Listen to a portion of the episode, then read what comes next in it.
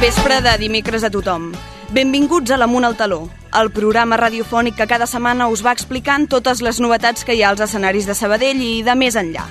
El programa que us parla cada dimecres de les propostes teatrals que s'estrenen a la ciutat, dels principals muntatges que hi ha a Barcelona, de la història teatral sabadellenca, de la cartellera cinematogràfica, de teatre musical, dels principals esdeveniments culturals i teatrals de la ciutat i de moltes altres coses.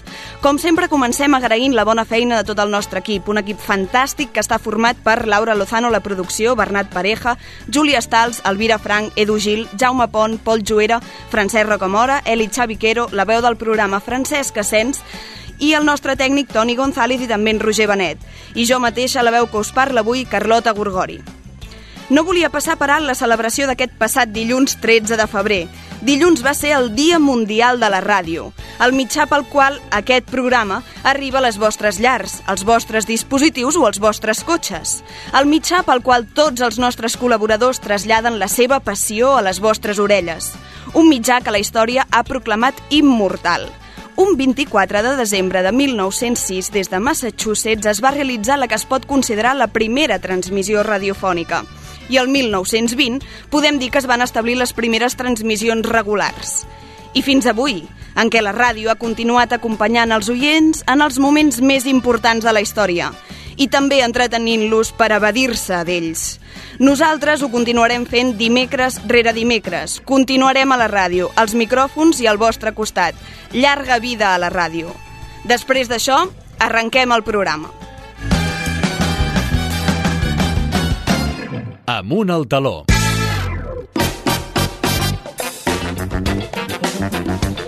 A la secció de la platea indiscreta farem un repàs, com cada setmana, de la cartellera de la nostra ciutat amb la Júlia Stals. Prepareu les vostres agendes. El programa d'avui estarà marcat per la segona sessió de radioteatre de la temporada.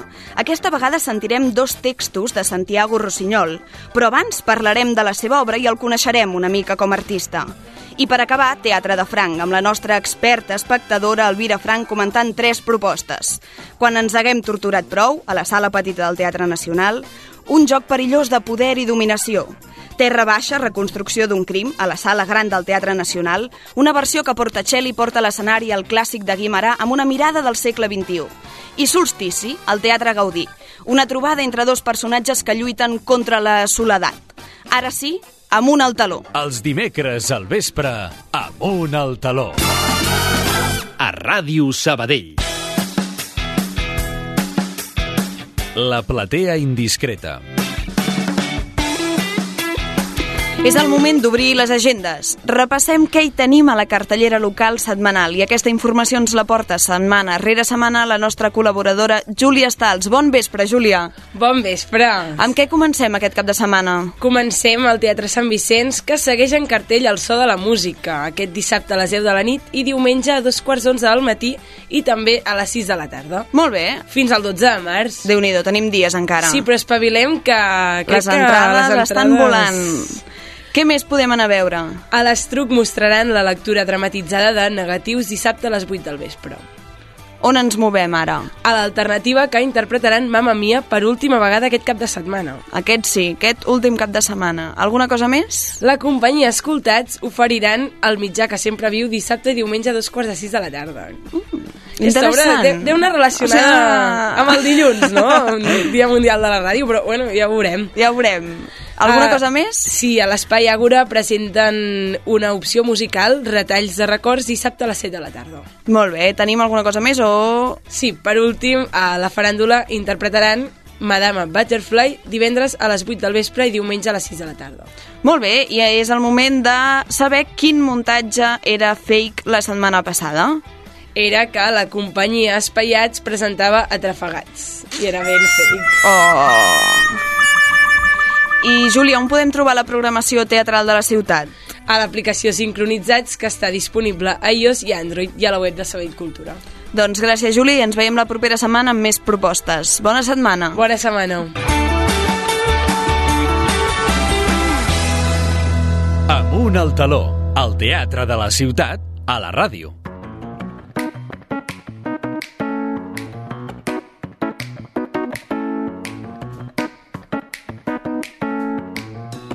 L'apuntador. La notícia que arriba a l'apuntador aquesta setmana no ens pot fer més feliços. A mitjans de gener coneixíem la continuïtat de l'antic teatre gràcies a la compra d'aquest per part de l'Ajuntament de Barcelona. Amb aquesta acció, l'antic teatre pot celebrar el seu 20è aniversari aquest 2023 i garantir-ne la seva continuïtat més enllà.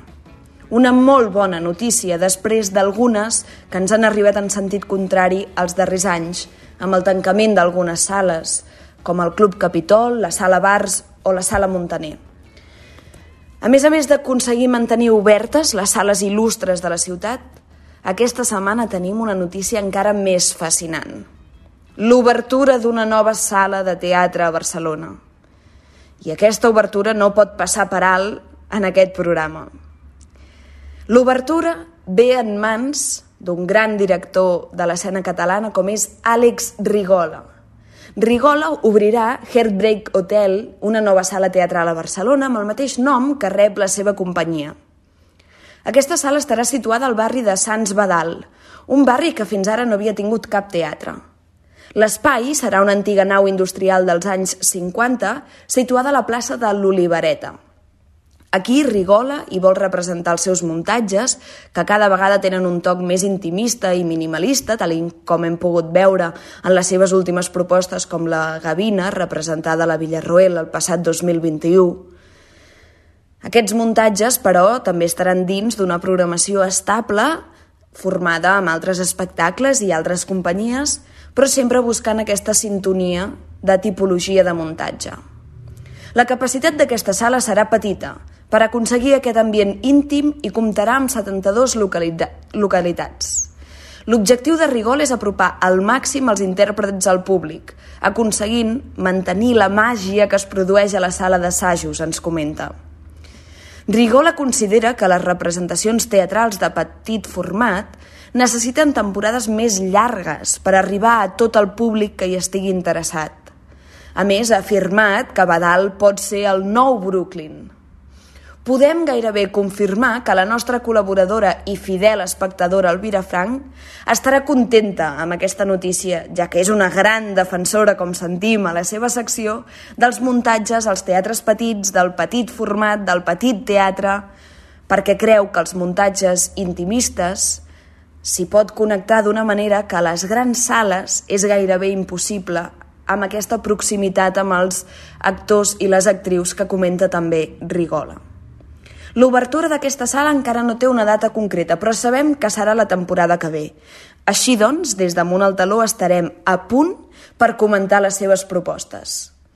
Des d'aquí, des del nostre programa, només podem desitjar el millor per aquest nou projecte d'Àlex Rigola i esperem que no sigui l'única sala que s'obri a Barcelona. Posats a demanar, també desitjaríem veure algun espai així a la nostra ciutat, però això em sembla que ja és demanar massa. Amunt al taló.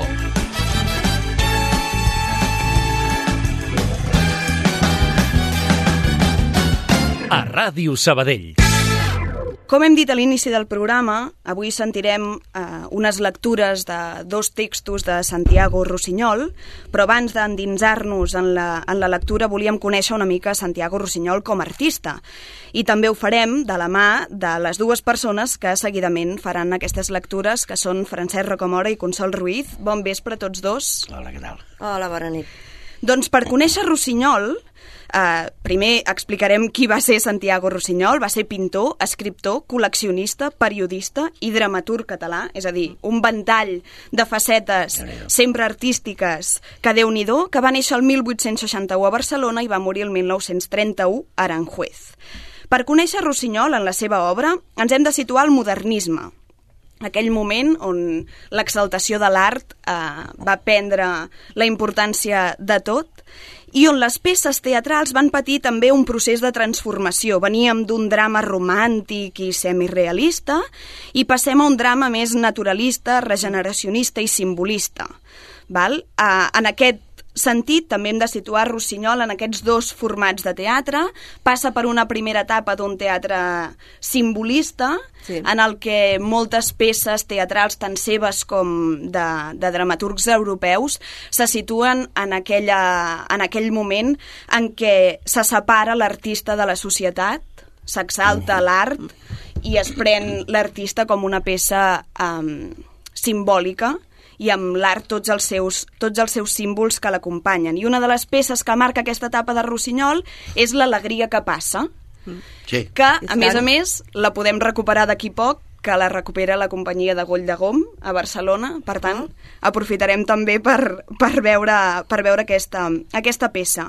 Són peces amb, amb arguments molt senzills, però que el que fan els artistes és posar-hi una ambientació màgica, fascinant, aquesta exaltació, però l'argument val? És, és, molt, és molt senzill. Sí. I la segona etapa del modernisme, en què Rossinyol també hi té, també hi té el seu paper, és el que dèiem, eh, el drama naturalista i regeneracionista, que aquí sí que l'argument es basa don, doncs, en la denúncia de les injustícies socials, val? i la segona etapa de Rossinyol en aquest cas es marca sobretot pel seu gran èxit, que és l'auca del, Del senyor, senyor Esteve. del senyor Esteve. Que en aquest cas veiem que la primera etapa el que fa és separar l'artista de la societat, la illa, un dels referents en aquest sentit eh, també és eh, Ibsen, Sí, n'era, sí, sí, n'era, n'era molt, molt fan. Exacte, sí. i aquí a Catalunya també Joan Puig i Ferreter, i veiem el paral·lelis- paral·lelisme en un enemic del poble d'Ibsen sí. amb Aigües Encantades de Joan Puig i Ferreter, i el que fa um, Rossinyol amb l'auca del senyor Esteve és començar a apropar l'artista amb la societat. Val? Afegeix l'artista, no sé si recordeu l'argument de l'auca del senyor Esteve, un dels Sí, fills sí, sí. no vol seguir amb la No vol botiga negoci. i vol ser escultor, en aquest cas, uh, i la família, doncs, una mica ressentida amb aquesta, Sí, amb aquesta decisió. Però arriben, i és el que fa Rossinyol en aquest punt, de crear un pont entre la burgesia en aquell moment i l'artista. L'artista se n'adona que sense la burgesia No pot tirar, clar. No tampoc viu. pot tirar endavant. Algú ha de finançar. Exacte. I la burgesia, a nivell intel·lectual, també es nodreix de, de l'artista. I és aquest canvi de Rossinyol que fa de separar l'artista i aïllar-lo totalment a, a comunicar ponts amb, amb la societat, Sí, sí. en aquest cas. Val? I ens centrem ja en els textos que llegirem eh, seguidament, val? són dos monòlegs de, de Rossinyol, un és el bomber, Uh -huh. Escrit l'any 1904, que comentàvem abans rere micròfons, que pertany a un grup d'obres que van ser totalment criticades. Maleïdes, maleïdes maleïdes, Sí, sí, sí. Um, perquè l'acusen de ser un dels responsables de la decadència del teatre català, Sí, per no tenir un plantejament per trencar- artístic, per per trencar les trencar normes. totalment les normes del teatre català de- d'aquell moment. En canvi, La minyona suïcida, que és el segon monòleg, ja s'escriu el 1919 i s'estrena el 1920, per tant, una època totalment diferent i que té ressò i té èxit també per la recuperació de la figura de Santiago Rossinyol després de la publicació de l'Auca del Sant Exacte. Esteve, que marca l'èxit un altre cop de, de Rossinyol com a figura important Sí, del sí, teatre ja, català. ja, ja, era, ja era bo. Ja era bo, Sí, en aquella, ja- eh? Després ja En aquella època els que podien Ah, ja, Exacte, ja com que parla de la burgesia i Ah, torna exacte. a col·laborar amb ella, tornen a recuperar... Torna al ramat, torna al Exacte, ramat. val? Llavors, el que us volia preguntar, la, la primera lectura que veu fer del monòleg, mm, què en podeu dir dels textos de, de Rossinyol, en aquest cas? Um, jo la primera lectura em va sorprendre la, la sintaxi, bàsicament, no? la, la manera d'estar escrita, perquè bueno, ell escrivia doncs, com molt de l'època i amb uns girs gramaticals que ara eh, són absolutament enrebaçats. No? Costen de llegir. Mm, costen de llegir i sobretot en paraules que les has de tornar a llegir diverses vegades per, perquè tinguin el sentit exacte dintre de la frase, no? Per altra banda, eh, em- em va agradar molt el, el tipus de, de monòleg, el personatge, una persona, bueno, que és una minyona, que, que té aquest aire gairebé pastoril, no? Vull dir que és com molt senzilla, molt tal qual, pobre, mm, ai, poder pobreta una mica curteta. Segurament sense formació, sense Clar, estudis, en exacte, aquell moment, evidentment, exacte. una minyona, dir- poc accés a la Exacte. cultura Ella, el, o el, que, tenia... el que suposo que, que s'aspirava en aquella època eh, aquest tipus de, de, de, de, de societat, bueno, de minyones i tal, doncs vaja, un soldat que per elles ja era una persona com de carrera, que potser les podia treure de minyona mm, suposo que per fer més de minyona a casa, no? Però, Almenys a la casa pròpia, no? Però bueno, ja era allò com, com no sé ben bé d'un igual, no? I, I per altra banda, doncs que eh, amb ella eh, ja li està bé això de, de ser les companyes o la companya de, del soldat, perquè perquè eh, eh, és l'única manera que té com de sortir, com de divertir-se, com de trencar una mica amb la rutina, amb la rutina de cada amb les obligacions, dia. no? Exacte, amb, amb aquest pes. exacte. Jo crec que també és, és, és un exemple de, de recuperar aquesta... Amb, amb, amb el personatge submís d'aquesta burgesia Sí, exacte. catalana que és recurrent a, a moltes obres de, Sí, de sí. Rossinyol, però Sí, sí. sempre parla aquell personatge que vol trencar amb aquesta, Ah, exacte. no? amb aquesta burgesia ha- o que es veu sub, sotmès a ella. Hi ha algun moment d'aquí del monòleg cap al final, no?, que um, tot, i, tot i, i ella ser com, com tan innocentona, um, vull dir, ella se n'adona també que l'exploten, saps? Clar. Vull dir, i cap al final ho diu, jo sóc una bolxemica, és igual que no es digui bolxevique, Exacte, però ella ha però- sentit alguna cosa, no? I doncs pues jo també ho seré, què coi? Exacte. Bé, vull dir, és un... a mi m'ha agradat moltíssim, és un personatge com molt entranyable. Sí, El igual, descobrirem- El bomber, el bomber igual. El bomber, sí. Francesc. El bomber és, és, un, és un senyor de, de sobre uns 60 anys que és un senyor que, que anòdin, o sigui, no, no, no ha tingut cap, cap, cap cosa a fer, ha sigut rellotger tota la vida i se li mor la senyora i bueno, i ara què faig? i llavors diu que és del gremi, però plega de ser del gremi, i vol ser una cosa especial, i vol ser bomber. Mira, bomber i així m'entretinc. Però, és clar, eh, el bomber que no l'atabalin. Ell va fent, no l'atabalin, perquè ell ha de fer les coses a poc a poc i ben fetes. Si hi ha foc, és igual, ja vindré. No patiu. No, no, ho, va dient així. I, i, i, i esclar, eh, és un senyor molt simple, molt simple. I que se conforma amb el que té, però això que et dic, no m'atabaleu que jo vaig fent. Si hi ha foc, ja vendré, si no, doncs que vagi un altre. Jo no vull córrer. Sí, és, és molt simplot. Eh, ja et dic, feia de, de rellotger i diu, quan vaig ca- acabar de comptar les hores, doncs em vaig posar a, a fer de bomber. sí, bueno, en, acabar. en, en el fons és això, un senyor pobret, pobret. Sí, un, un senyor simple. No sé si és per això que, que aquests monòlegs eren una mica maleïts, perquè... El, el, que, el que es queixaven és d'aquest poc plantejament artístic que veien en aquests fragments o en aquestes Sí, obres, sí, sí, que és perquè aquesta simplesa, aquesta sí. simplicitat de personatges quotidians amb preocupacions quotidianes mm, no gaire rebuscades ni Massa gaire normals. intel·lectuals, massa normals. Massa normals, I no sí. interessava, Sí, suposi sí. que a les, a les classes que anaven a veure Sí, perquè, eh, esclar, aquesta teatre. gent, precisament aquesta gent no hi anava a teatre, Exacte. perquè no, No, clar. anaven a teatre. Exacte. No, no, Molt bé, doncs amb aquesta petita introducció ja ens esperem a les lectures uh, dels fragments. Estupendo. Uh, recomanem que les lectures s'escoltin en silenci, pausades, escoltant aquest vocabulari que avui ens és més estrany, més diferent, però que en el seu moment era, La norma. era la norma. I hem fet algun petit arreglo, però que no se digui, eh, que no es digui. No. No ho notarem, no ho No. notarem. Vale. Doncs fins aquí la petita introducció per conèixer Santiago Rossinyol.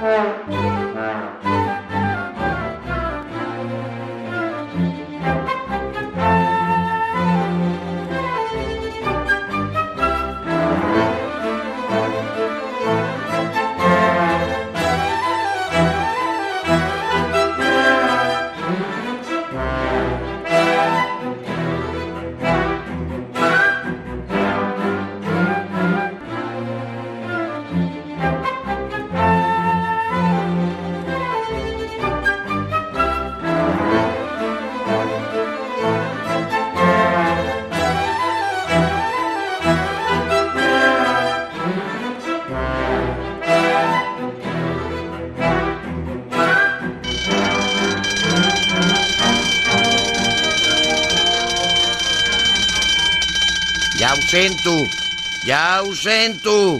No toqueu més per mi. Quart districte. Que ja em llevo, dic. A mi no se m'ha d'avisar tantes vegades. Soc bomber i el bomber no ha de tenir son ni mandra. Si el foc s'ho val, perquè s'ho val. I si és un incendi d'aquests incendiets de socarrim, perquè el punt d'honor m'ho mana. El que hi ha és que sembla que ho facin expressament per la molèstia del bomber d'incendiar-ho tot de vespre. Que no cremen les cases de dia. Doncs, si cremen, per què encendre-les a les hores intempestives?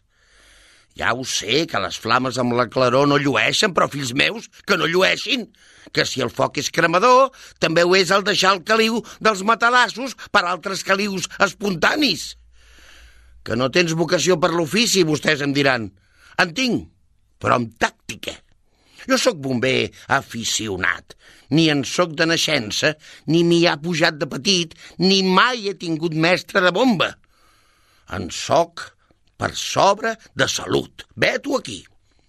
Jo tenia ofici manual, era gremi, rellotger i casat, per servir-los, i mentre va viure la difunta, entre arreglar rodetes i algun disgustet que ell em donava, també rodant per, per on no havia de rodar, i altres penes fondes que jo no en parlo per a no remoure sentiments que ja són a un nítxol de cent duros, els disgustos em provaven.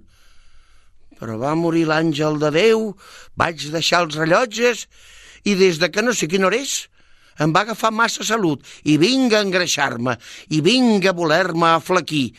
I el greix no volguer-ho, i jo no volguer el greix, fins que em vaig parar i em vaig dir «La salut, amb mi, de Josep. Tu abuses de tenir-ne massa, doncs a rebaixar les viandes». I com les rebaixaràs? Rumia. No menjant? Mai. Alçant pesos? No hi jugo. Baixant-los? Tampoc. Ja ho sé, em vaig dir tot d'una festa bomber, que és digne, que és exercici musculari, que s'apaguen focs, que salven persones i viudes reconegudes, que es porta casc, que és un seguit de moviment per les processons i de més, i que tot fent humanitària me'n vaig fer a mi, i viceversa. I tal dit, tal fet, ja en soc. Això sí, jo sóc un bomber calmós, que no em portin presses, que em deixin sossegar. N'hi ha que encara no senten un pito que ja corren com si no hi fossin a temps. Jo, no.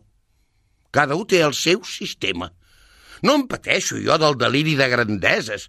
Jo sento els focs, els compto, calculo el districte, em vesteixo amb calma i prenc les providències degudes el cinturó ben estret pels perits del ventre, moltes cordes per lligar el que estigui deslligat, àrnica per les cremades i aiguanaf pels que veiem cremar els altres. Jo, un cop a la casa que es crema, no faig com aquests esvalutats que vinga aigua i amullar els mobles i malmetre les alfombres i tirar pianos al pou. No, no, no, no, no senyors, no, no. Jo arribo, entro al pis, obro els balcons perquè surti el fum, Faig sortir la gent per evitar ofecs i altres molèsties que podrien sobrevenir amb l'incendi. Miro el que crema. Si ho puc apagar en eixut, ho apago. I si no, faig pujar el canó de goma. Li aplico i bomba que bomba s'apaga de mica en mica. Ah, senyores, si la gota d'aigua arriba a foradar els penyals, que no farà la manguera? El bomber precipitat no és bomber, és home de mullader. El bomber sossegat apaga i neteja, calma i cura. I després de l'ocurrència, deixa un pis com si haguessin fet dissabte. Senten? Ja tornen a tocar. El foc és el quart districte. Sempre els focs són el quart districte. Un altre, en tant tocar, ja fora escales avall. Doncs jo no. Serenitat. El foc vol serenitat. Què es pensen que serà tan pito? Un foc petitet de broma, de res. Un amago, un foc de veïnat sense solta. Són focs d'aquells que no em commouen. Els conec, les flames. Són exageracions d'incendi. Hi ha persona que perquè se li crema el pis ja crida. N'hi ha que aprofiten el conato perquè al cuerpo anem allà a fer tertúlia. I fins n'hi ha que aprofiten l'accident ocasional per a tirar la sogra pel balcó amb l'excusa de salvar-la. I així i tot n'hi ha que se salven. A mi, per maniobrar amb el meu sossego, donguin-me focs d'aparato. Aquí es vol cremar això? Apa, apaguem-ho. Allí es propaga, no deixar-lo propagar. Que ara vol caure una viga, posar-hi una a sota. Que ara s'esquerda una paret, remendo. Que hi ha aigua, bombo. Que no n'hi ha, també bombo. Que surt fum, bufo.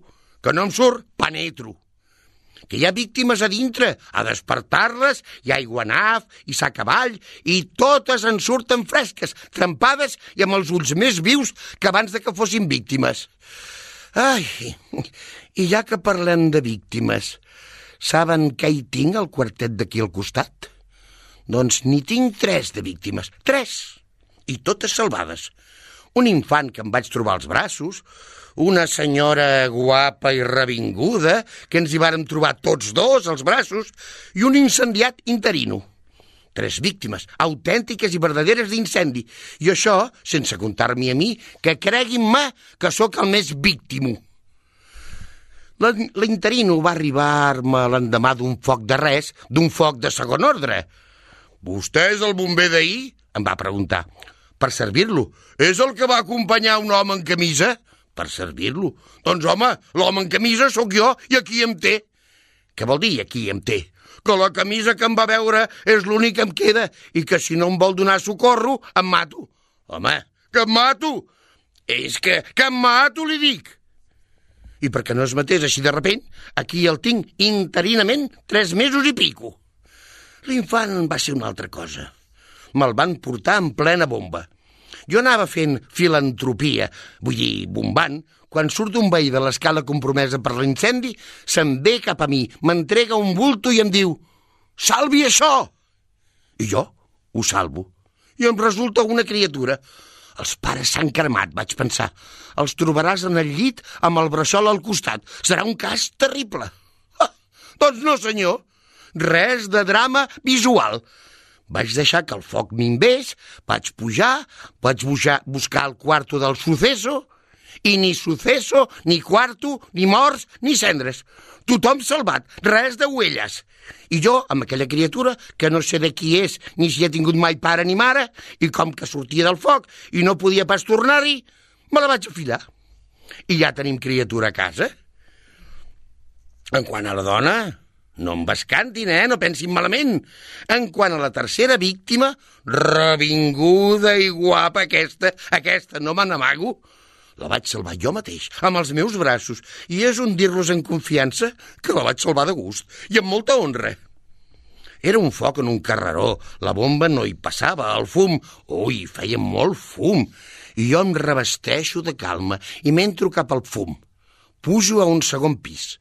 Allí, a un costat, una porta que cremava suaument. Allà, una mosquitera encesa, atmosfera per tot. I el llit... Ai, el llit... Ella. Dormia desmaiada, el bé de Déu. Me la miro, blanca, plena, més aviat baixeta. L'abrigo. I ella, res. Me la torno a mirar. Tampoc res. La crido. Gira els ulls en blanc. Jo també i... Ha, ha, ja hi som, fillets meus! Entre el fum, l'ardència del foc i la noblesa del salvament, com qui rapta una sirina, me la poso a Collibè i amunt, i enllà, i cap a casa en cotxe, i nada, que, que m'hi caso un d'aquests dies. I per medi de l'incendi ja tinc dona, criatura i interino. Ai, però ara... S'han acabat els salvaments, senyores. A pagar, res més que a pagar i que el salvi qui li toqui. Ara... Ara... Què sento ara? Això és el cotxe de la bomba, el cotxe de la bomba en persona que s'atura aquí mateix. És ell, no hi ha dubte. Com que no es pot cremar res sense la meva presència, venen a cercar-me. Vaig a obrir a mirar per la finestra. Jesús de Jesús! I valga'm el cos de bombers i providència gloriosa! El foc és a casa... a casa la droguer. Ah, ah, però no s'alarmin, cavallers, que ara em veuran maniobrar. Avui seré el primer d'arribar a l'incendi. Ell ve cap a mi. Doncs que vingui, que aquí l'espera un bomber.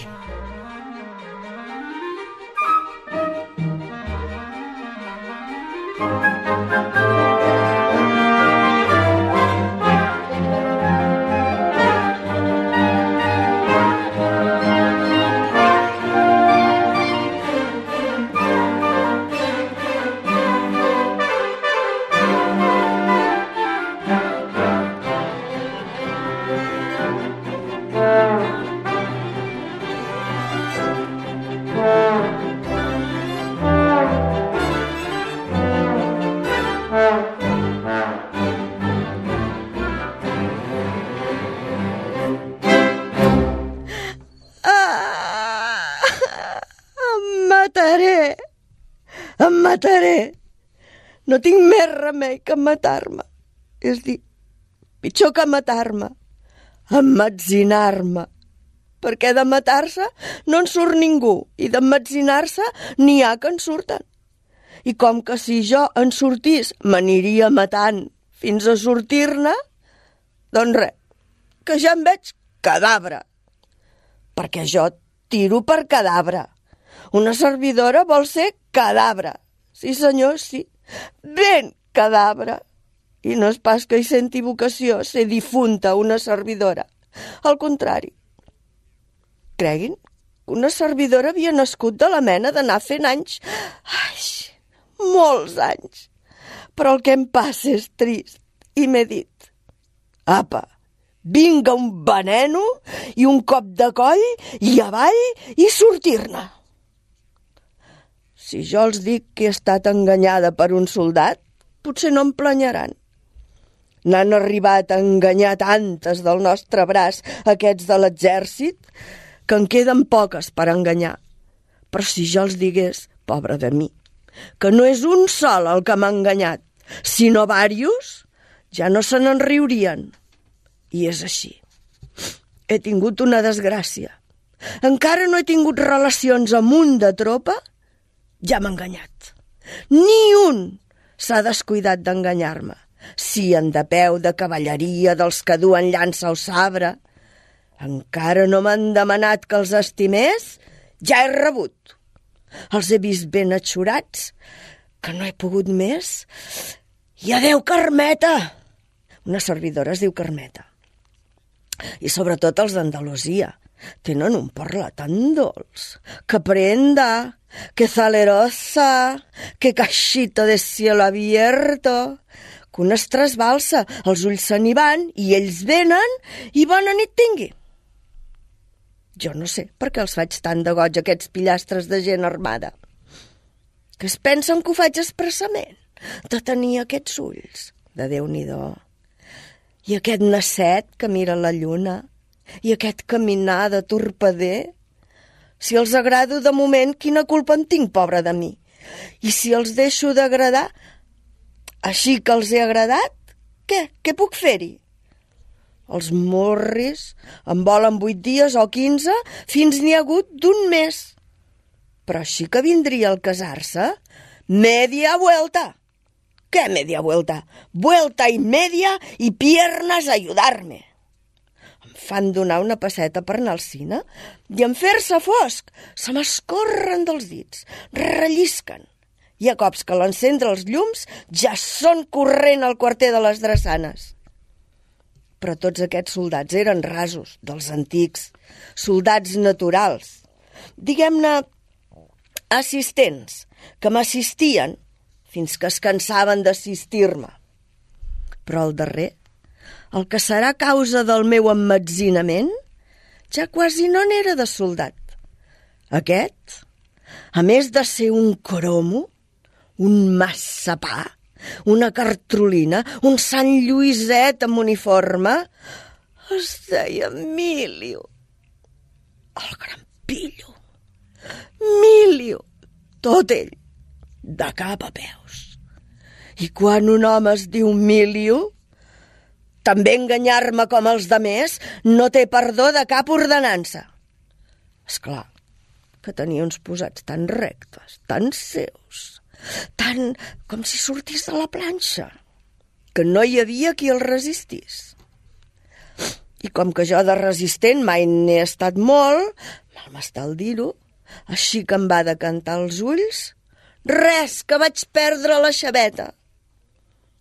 Em casaré amb tu, em deia el farsant. Un dia d'aquests em casaré amb tu. T'ho juro per l'honor del cuerpo, del teu i del meu, i més del teu que del meu. El moment que menys et pensis, et passaré per l'altar. Prou, prou. Per l'altar m'has dit. Pel cine devies voler dir. Ja me n'ha enganyat un altre, i van 30. I tot per què? El gran Luis Mejía. Jo no li demanava pas que es casés. Ha, qualsevol es casa al preu que estan avui els queviures i del modo que està el servei. Que creguin que no n'hi ha un pam de net. I els hi parlo per experiència, eh? No és pas casar-me el que jo volia. Jo el que volia és tenir qui m'acompanyés al pai-pai i al paral·lelo i a la bohèmia.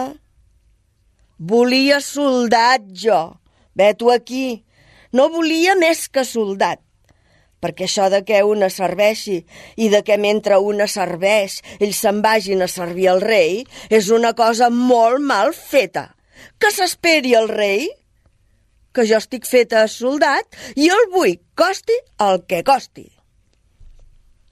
I saben el que m'ha fet aquest gran brètol? En lloc de dur-me al pai-pai, pai-paiar-me. Sí, senyors, faltar-me. És a dir, faltar-me.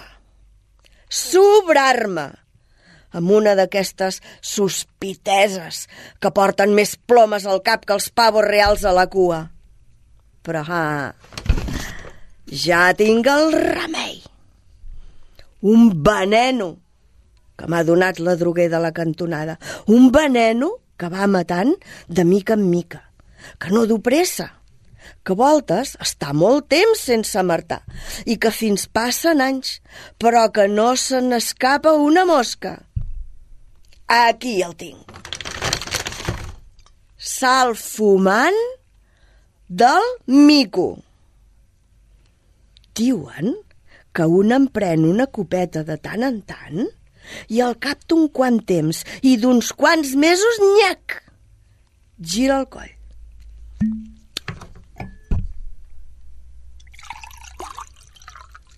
Mm. Apa, veneno. Mm? És bo. Els sembla anís? Però ja me'l donaran, aquests l'anís.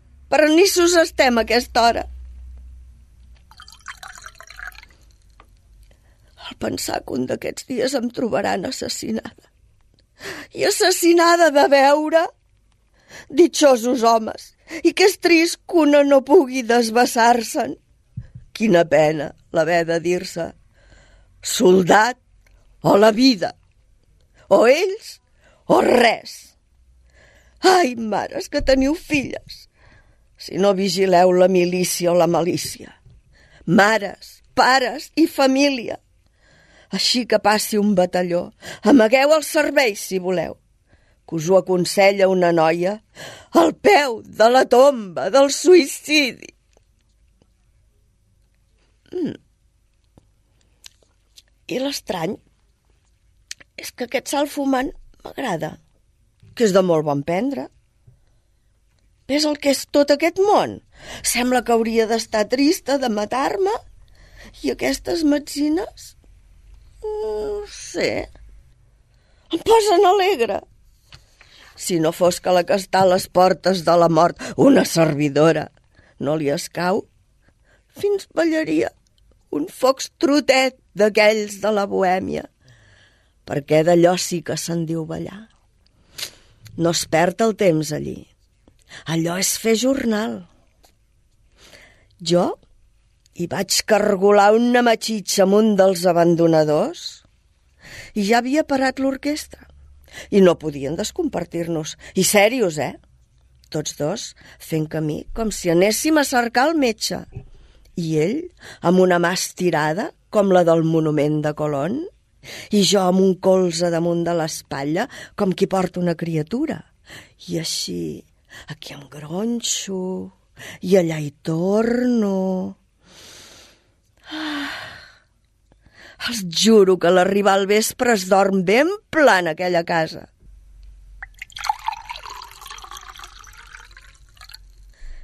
I al sortir, els amos m'esperaven per fer el sopar. Ha! Ha, ha! Fes el sopar! Eh, que es cuinin ells! Jo sóc bolxamica! I els que som bolxamiques no volem amos ni soldats. Volem més soldada que soldats. I sortir al vespre. I apagar el foc i deixar refredar els fogons. I tenir el dret de bemmetzinar-se. I ara, a matar-me. És dir, a matar-me. Anar-me matant de mica en mica, perquè ja veuen que em mato. I jo també ho veig. I ho vaig fent. I el pitjor és que aniré fent mentre em quedi a la polla, perquè sóc molt tossuda, mal veure.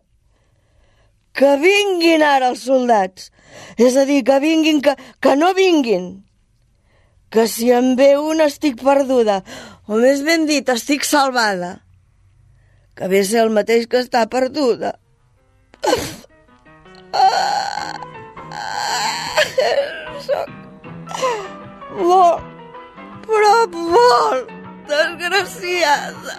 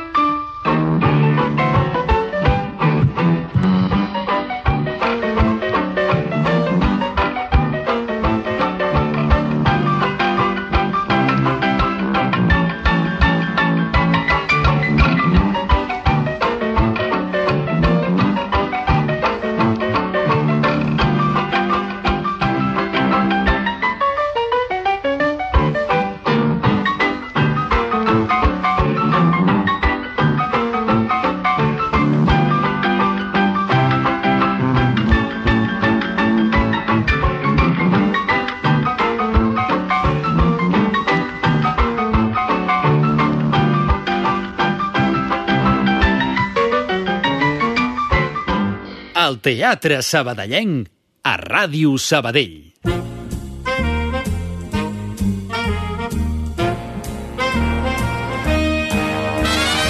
Teatre de Franc.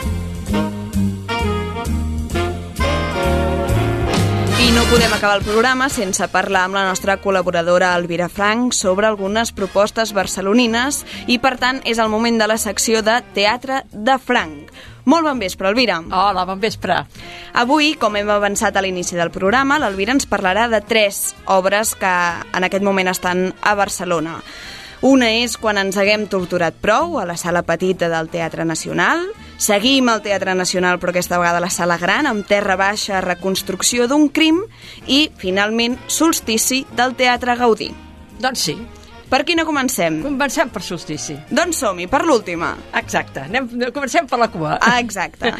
Solstici, d'Agustí Frank, a la sala petita del Teatre Gaudí, per la companyia teatral Inevitables, dirigida per Núria Florença i Raül Tortosa.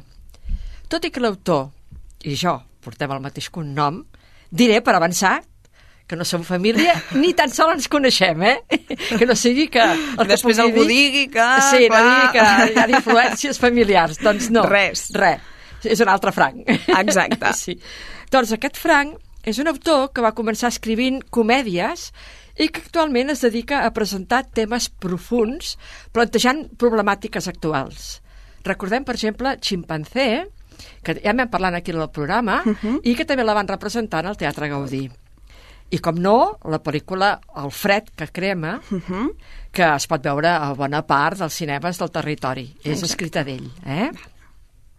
Solstici parla de dos trastorns mentals que encara no estan del tot ben tractats, l'anorèxia i la depressió.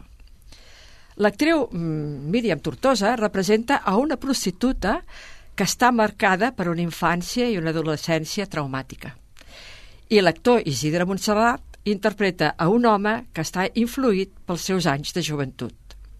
Les seves pors, tots els fantasmes que els han marcat la seva malaltia, els fracassos que han percebut i els èxits d'altres persones que els han influenciat, fa que d'alguna manera els, els uneixi aquests, aquestes mateixes eh, La característiques. també, no?, que viuen La les dues vides sol... sí, solitàries. Exacte. És el punt de- Sí, d'unió. d'unió. d'unió. No direm com s'uneixen. No, que es vagi això a ja- veure i millor. L'actriu i l'actor fan unes interpretacions del tot creïbles. Canvien de to de veu i posat i de manera de moure's per representar els seus personatges quan eren infants o els dels seus pares, familiars més propers, inclús a un amic amb diversitat funcional. Tots ho fan ells, eh? tots aquests papers els fan ells.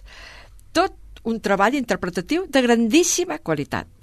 També és de ressaltar l'aportació artística i musical de Cristina Vallribera, fent de consciència, va vestida negra i fa la consciència d'ells, i després, al final, canta mm, i dona el tot precís per fer-nos emocionar.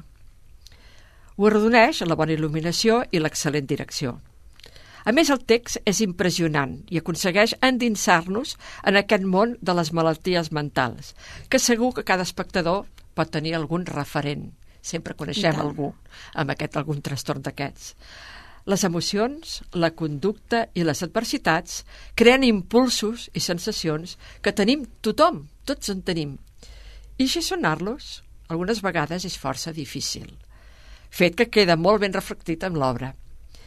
Potser és difícil viure la vida que un voldria, però segur que hi ha moments que s'hi assemblen força. Els solsticis, en els solsticis, tot comença i tot I acaba. acaba. Tot acaba.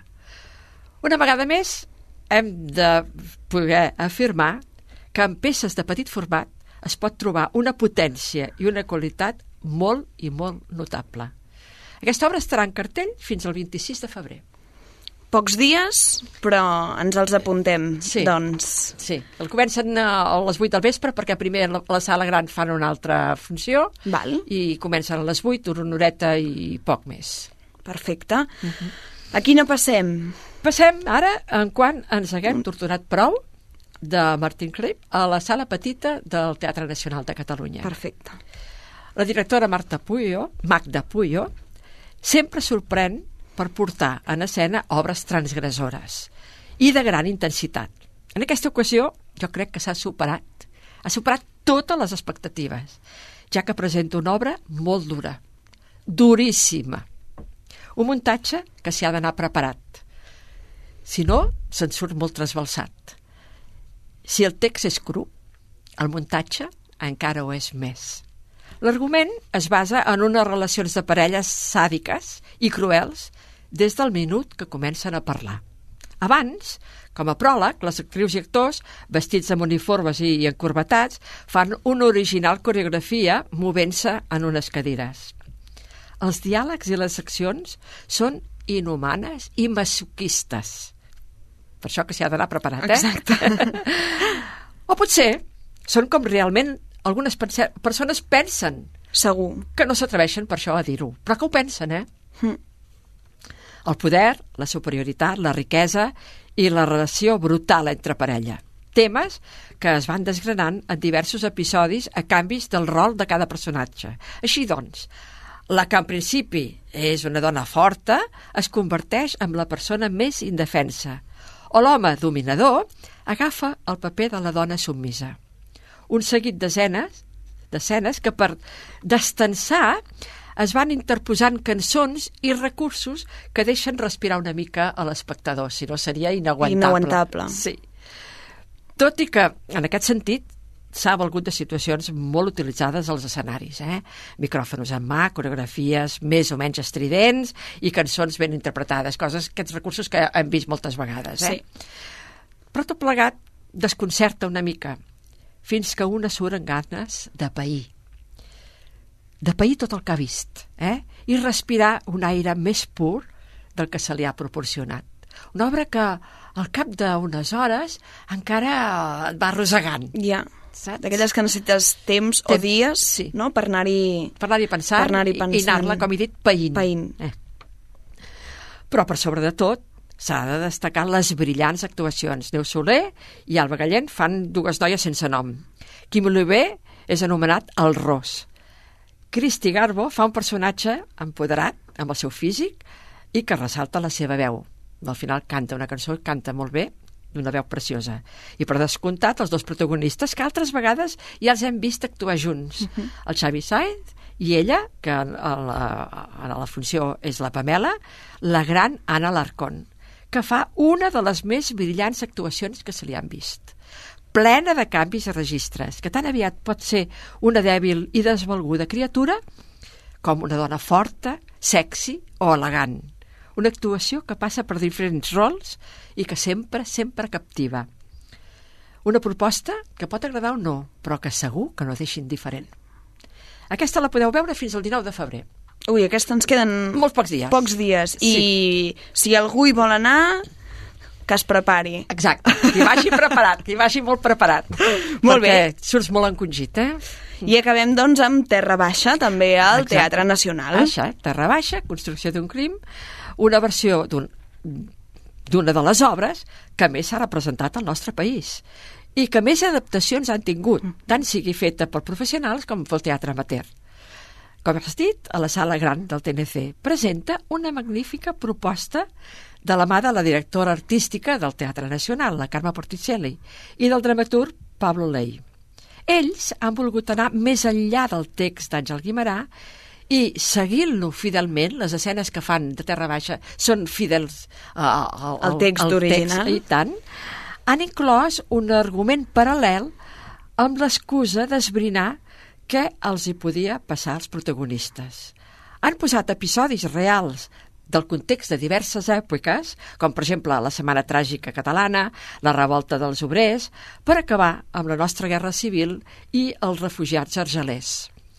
Com a fons, també totes les guerres i lluites de classes que encara tenim actualment.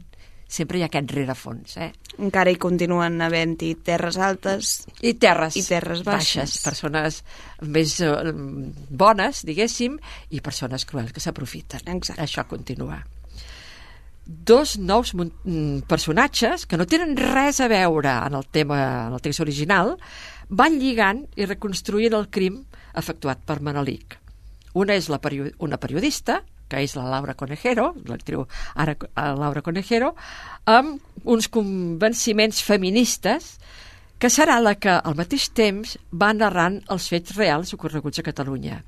I un comissari, interpretat per Manel Sans, força contrari a qualsevol revolta i reivindicació. Una rica i impactant escenografia on la il·luminació n'és la protagonista i de tant en tant un taló on es projecten fotografies recordant successos reals de l'època. Moviments molt ben calculats i imaginatius dirigits per Ferran Calvajal, que es dedica ara molt a, a les coreografies. Eh? Una rellevant direcció molt mesurada i cuidada fins l'últim detall i unes genials interpretacions de tots, com la de les protagonistes, la Anna i Covalseta, fent una sòlida Marta digna de destacar el seu monòleg, que el diu amb fermesa i sense sentimentalisme. És un paper que a vegades es fa com molt, molt fluix, Sí. molt, eh? i aquesta vegada ho diu amb, amb, amb fermesa i que desperta encara més emoció per la manera que ho diu. L'Eduard Farelo fa enduresa el Sebastià, el dolent de, de la funció. Borja Espinosa representa un manel- manelic lúcid ferreny i dolç, també és un dels personatges que moltes vegades el, el presenten com una mica tou, Sí. o una mica, diguem-ne, tonto.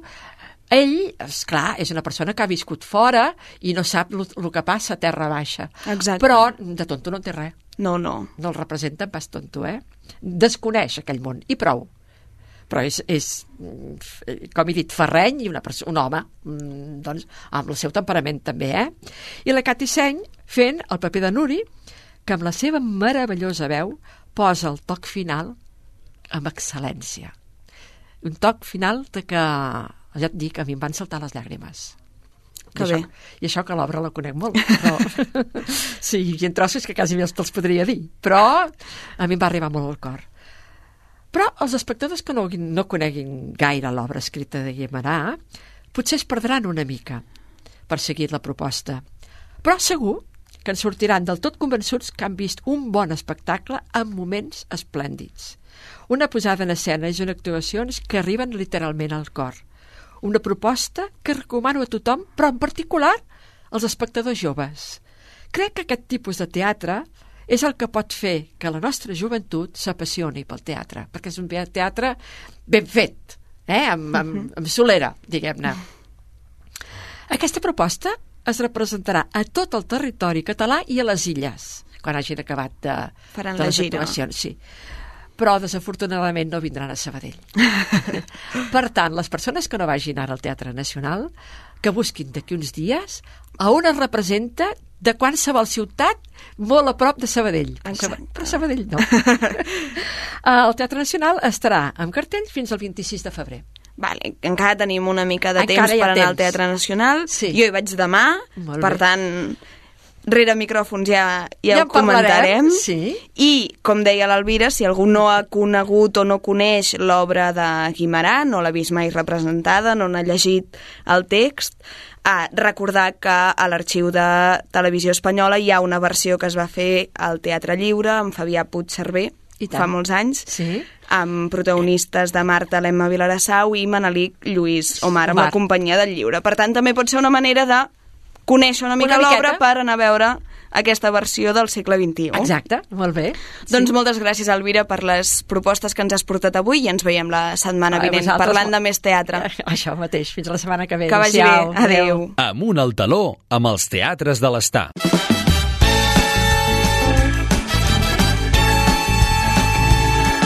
I aquí finalitzem l'Amunt al Taló d'avui. Us recordem que podeu recuperar tots els nostres programes a Spotify. Només cal que busqueu Amunt al Taló al cercador i hi trobareu els nostres podcasts.